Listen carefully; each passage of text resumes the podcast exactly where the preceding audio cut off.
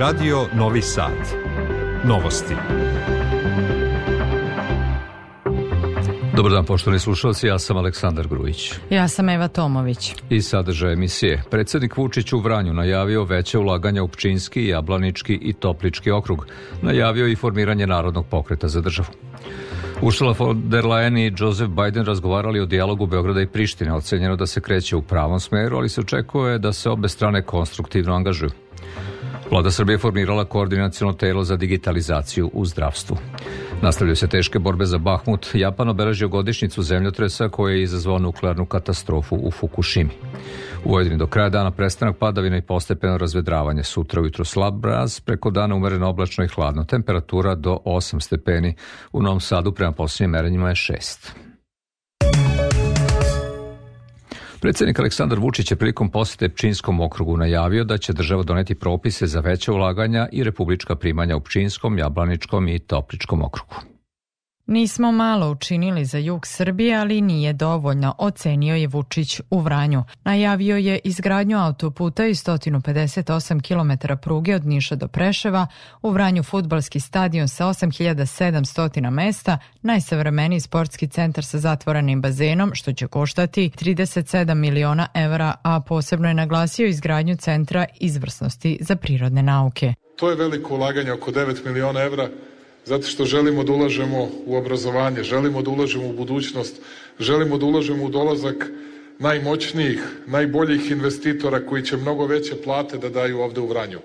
Takođe ćemo da obnovimo osnovnu školu Dositej Obradović i to nije mali novac jer u školu 70 godina gotovo ništa nije ulagano. Ekonomski napredujemo, prosečna plata biće za dve godine 1000 evra, penzija 450 evra, ali je problem u tome što su zarade znatno više u Beogradu i Novom Sadu nego na jugu Srbije. Strateško opredeljenje države biće Mi smo izdvojili manje razvijena područja Srbije, ali sada ćemo da izdvojimo tri okruga posebno.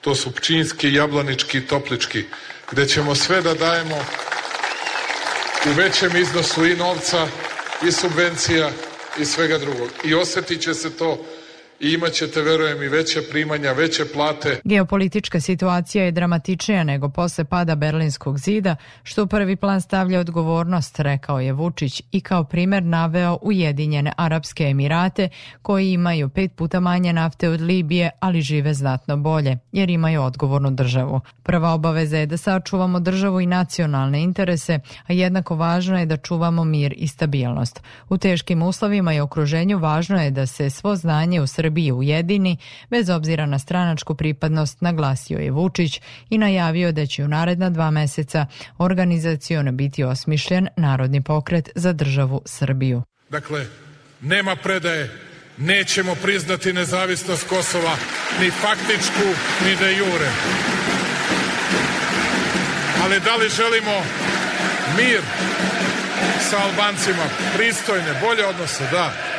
Vučić je o Bujanovcu prilikom razgledanja sportske hale i gradilišta rekonstrukcije objekta osnovne škole Branko Radičević izjavio da u vezi sa planom za Kosovo i Metohiju važno da se ispune svi prethodni dogovori sa potpisom Evropske unije i naglasio da je formiranje zajednice srpskih opština jedna preuzeta međunarodna obaveza od pre 10 godina koji predviđaju četiri dokumenta. Predsjednik Aleksandar Vučić je u Trgovištu posjetio novu vatrogasnu stanicu, a u Bosilegradu gradilište rekonstrukcije objekta predškolske ustanove Dečija radost. Na Vlasinskom jezeru razgledao je gradilište kolektora otpadnih voda. Ovo je Radio Novi Sad. Predsjednik Skupštinskog odbora za Kosovo i Metohiju Milovan Drecun smatra da 18. marta na sastanku u Ohridu u okviru dijaloga Beograda i Prištine da neće biti nikakvih šansi za postizanje ozbiljnog napretka. Drecun je za RTS naglasio da Srbija ostaje čvrsto na pozicijama, da ne može da prihvati da se složi sa članstvom lažne države u Ujedinjenim nacijama, uz ocenu da se specijalni izaslanik Evropske une za dijalog Beograda i Prištine Miroslav Lajčak ne ponaša na način koji može da omogući postizanje bilo kakvog sporazuma između Beograda i Prištine, posebno izjavom da sada nije na redu formiranje zajednice srpskih opština. To je ključni uslov koji je Srbija postavila, podsjetio je Drecun.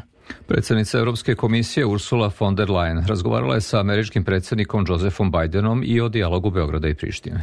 Govoreći o sastanku predsednika Srbije Aleksandra Vučića i premijera privremenih prištinskih institucija Albina Kurtija, koji je najavljen za 18. mart u Ohridu, Ursula von der Leyen je istakla značaj istrajavanja u dijalogu prkos problemima. Ima još mnogo pitanja koje treba rešiti, ali se dijalog kreće u pravom smeru i očekujemo da se obe strane konstruktivno angažuju angažuju, rekla je von der Leyen. Ministarka rudarstva i energetike Dubravka Đedović razgovarala je sa ambasadorom Kipra u Republici Srbiji Dimitrisom Teoflaktuom o mogućnostima za produbljivanje saradnje dve zemlje u energetici, posebno u proširenju izvora snabdevanja gasom.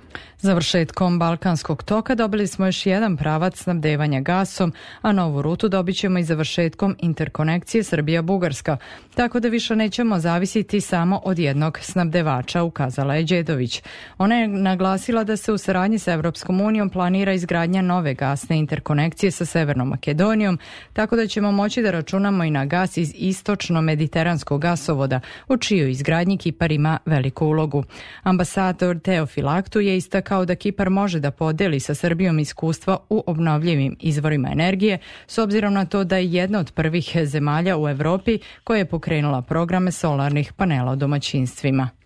Slobodna zona Subotica potpisala je sporazum o poslovno-tehničkoj saradnji sa nekoliko obrazovnih ustanova i preduzeća u Vojvodini. Cilj je između ostalog da se povežu privreda i obrazovanje. Pojedinosti Kristijan Takač.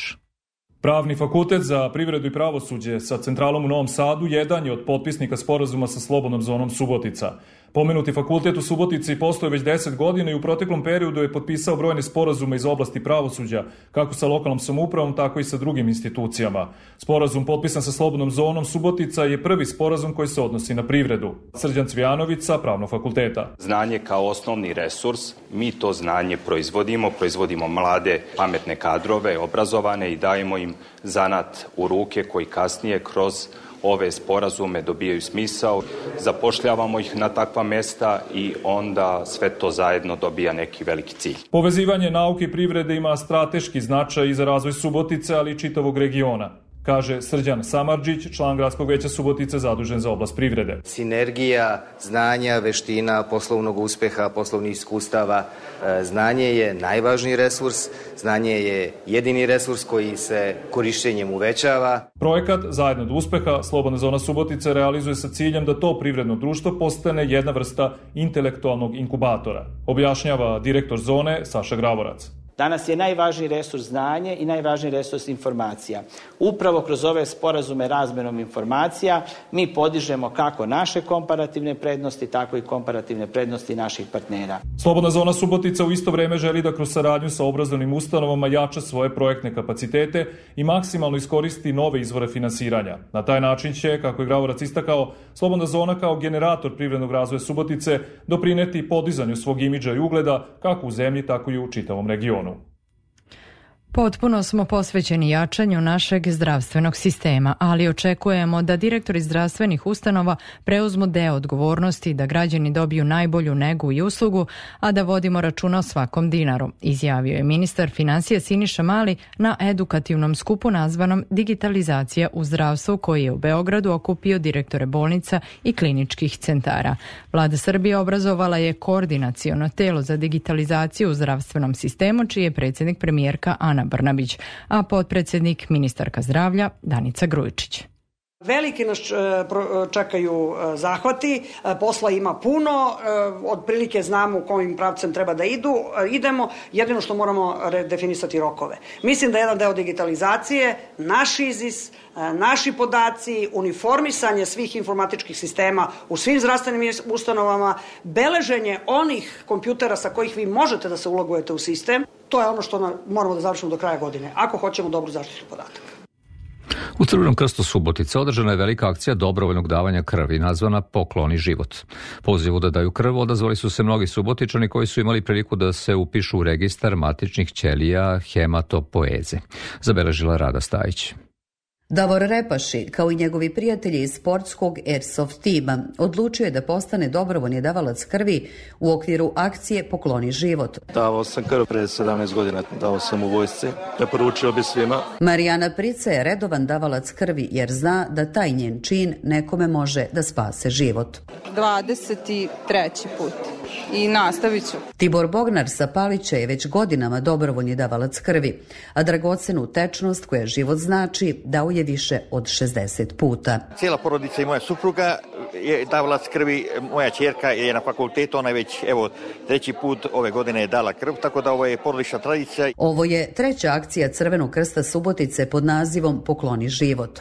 Nastala je tokom pandemije kao odgovor na povećane potrebe za zalihama krvi, a sad je postala već tradicionalna jer taj vid pomoći može uvek i svakome da zatreba. Ističe Nevena Lukić iz Crvenog krsta Subotice. Važno je zato što e, je krv lek. E, potrebe za za rezervama krvi nikad e, se ne smanjuju. Uvek je potrebno da to bude kontinuirano davanje kako bi sistem bio, zdravstveni sistem bio bezbedan. A pored davanja krvi postoji i mogućnost registra u nacionalnu bazu matičnih ćelija hematopoeze, velika šansa za budućnost svih onih koji boluju od bolesti krvi, odnosno prvenstveno leukemije. Akciji Pokloni život odazvao se veliki broj dobrovoljnih davalaca krvi, a zahvaljujući donaciji Udruženja pčelara pčela, svima je u znak zahvalnosti poslužen medeni doručak.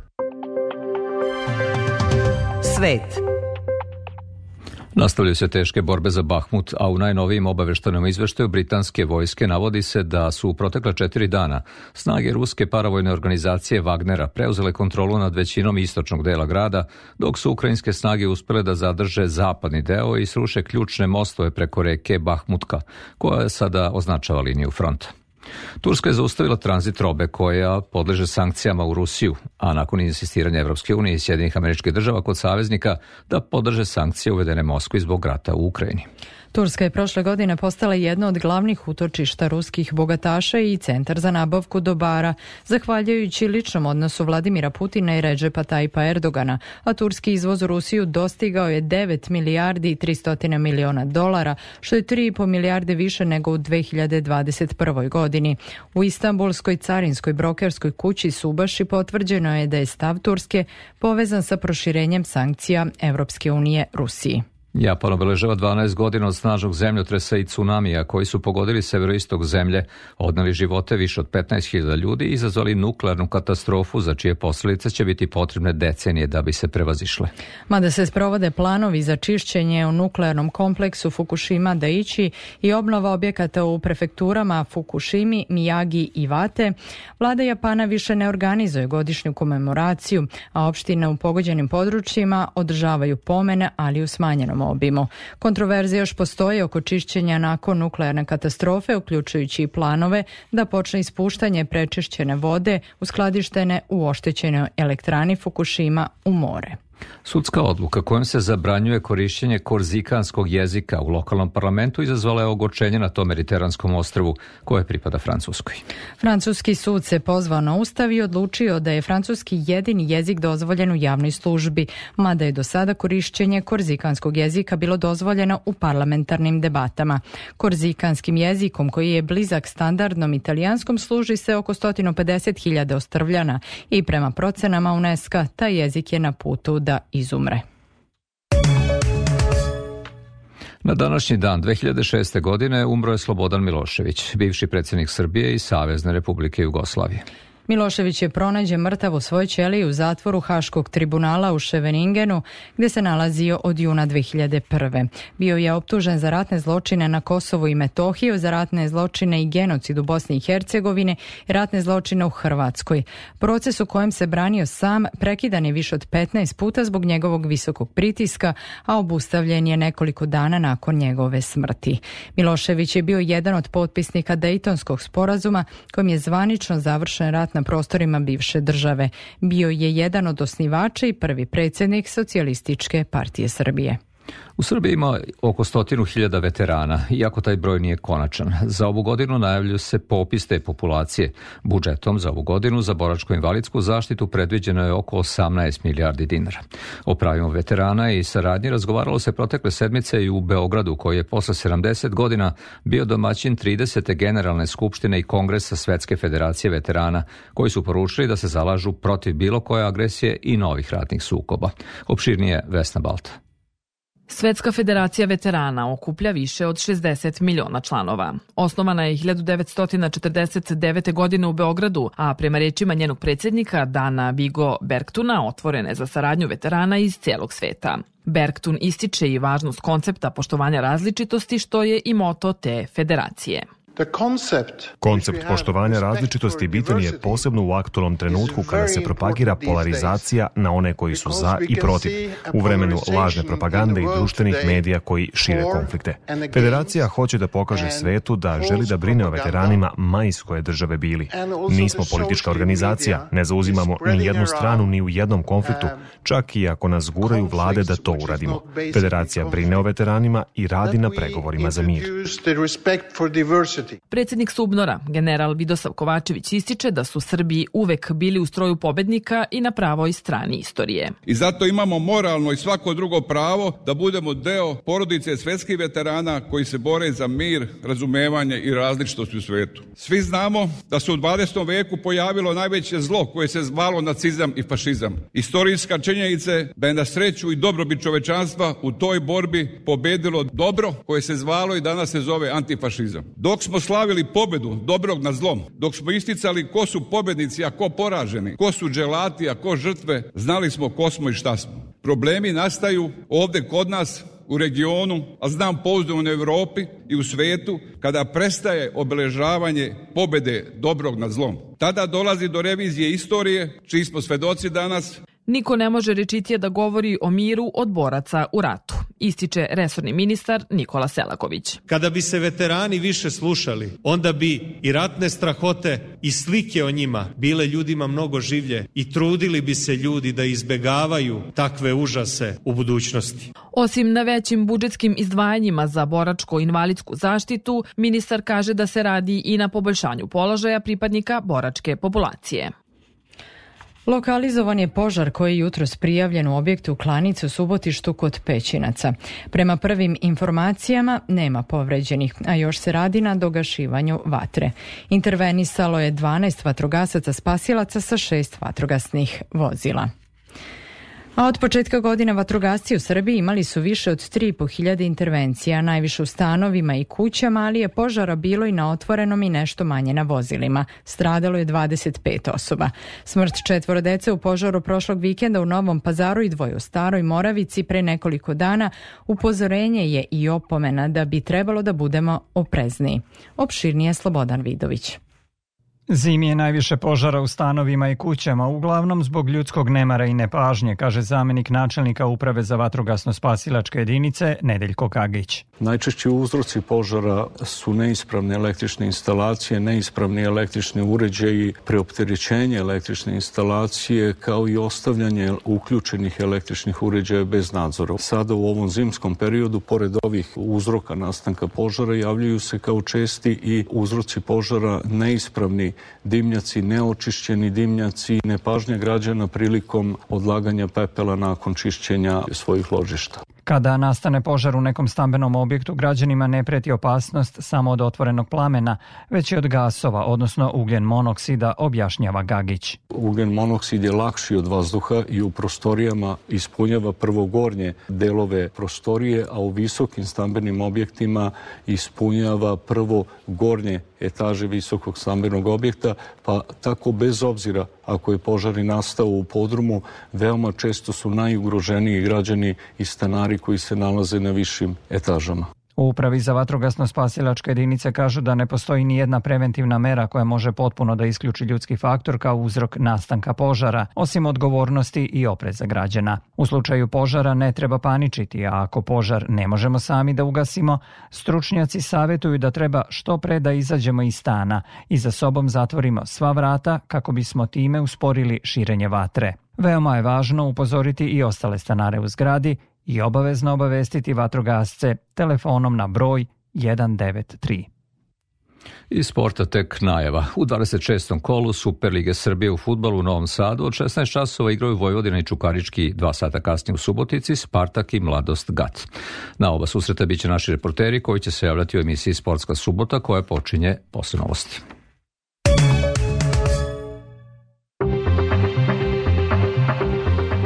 Pred kraj novosti još jedan najvažnije iz emisije. Predsednik Vučić u Vranju najavio veće ulaganje u Pčinski, Jablanički i Toplički okrug, najavio i formiranje Narodnog pokreta za državu. Ursula von der Leyen i Joseph Biden razgovarali o dijalogu Beograda i Prištine. Ocenjeno da se kreće u pravom smeru, ali se očekuje da se obe strane konstruktivno angažuju.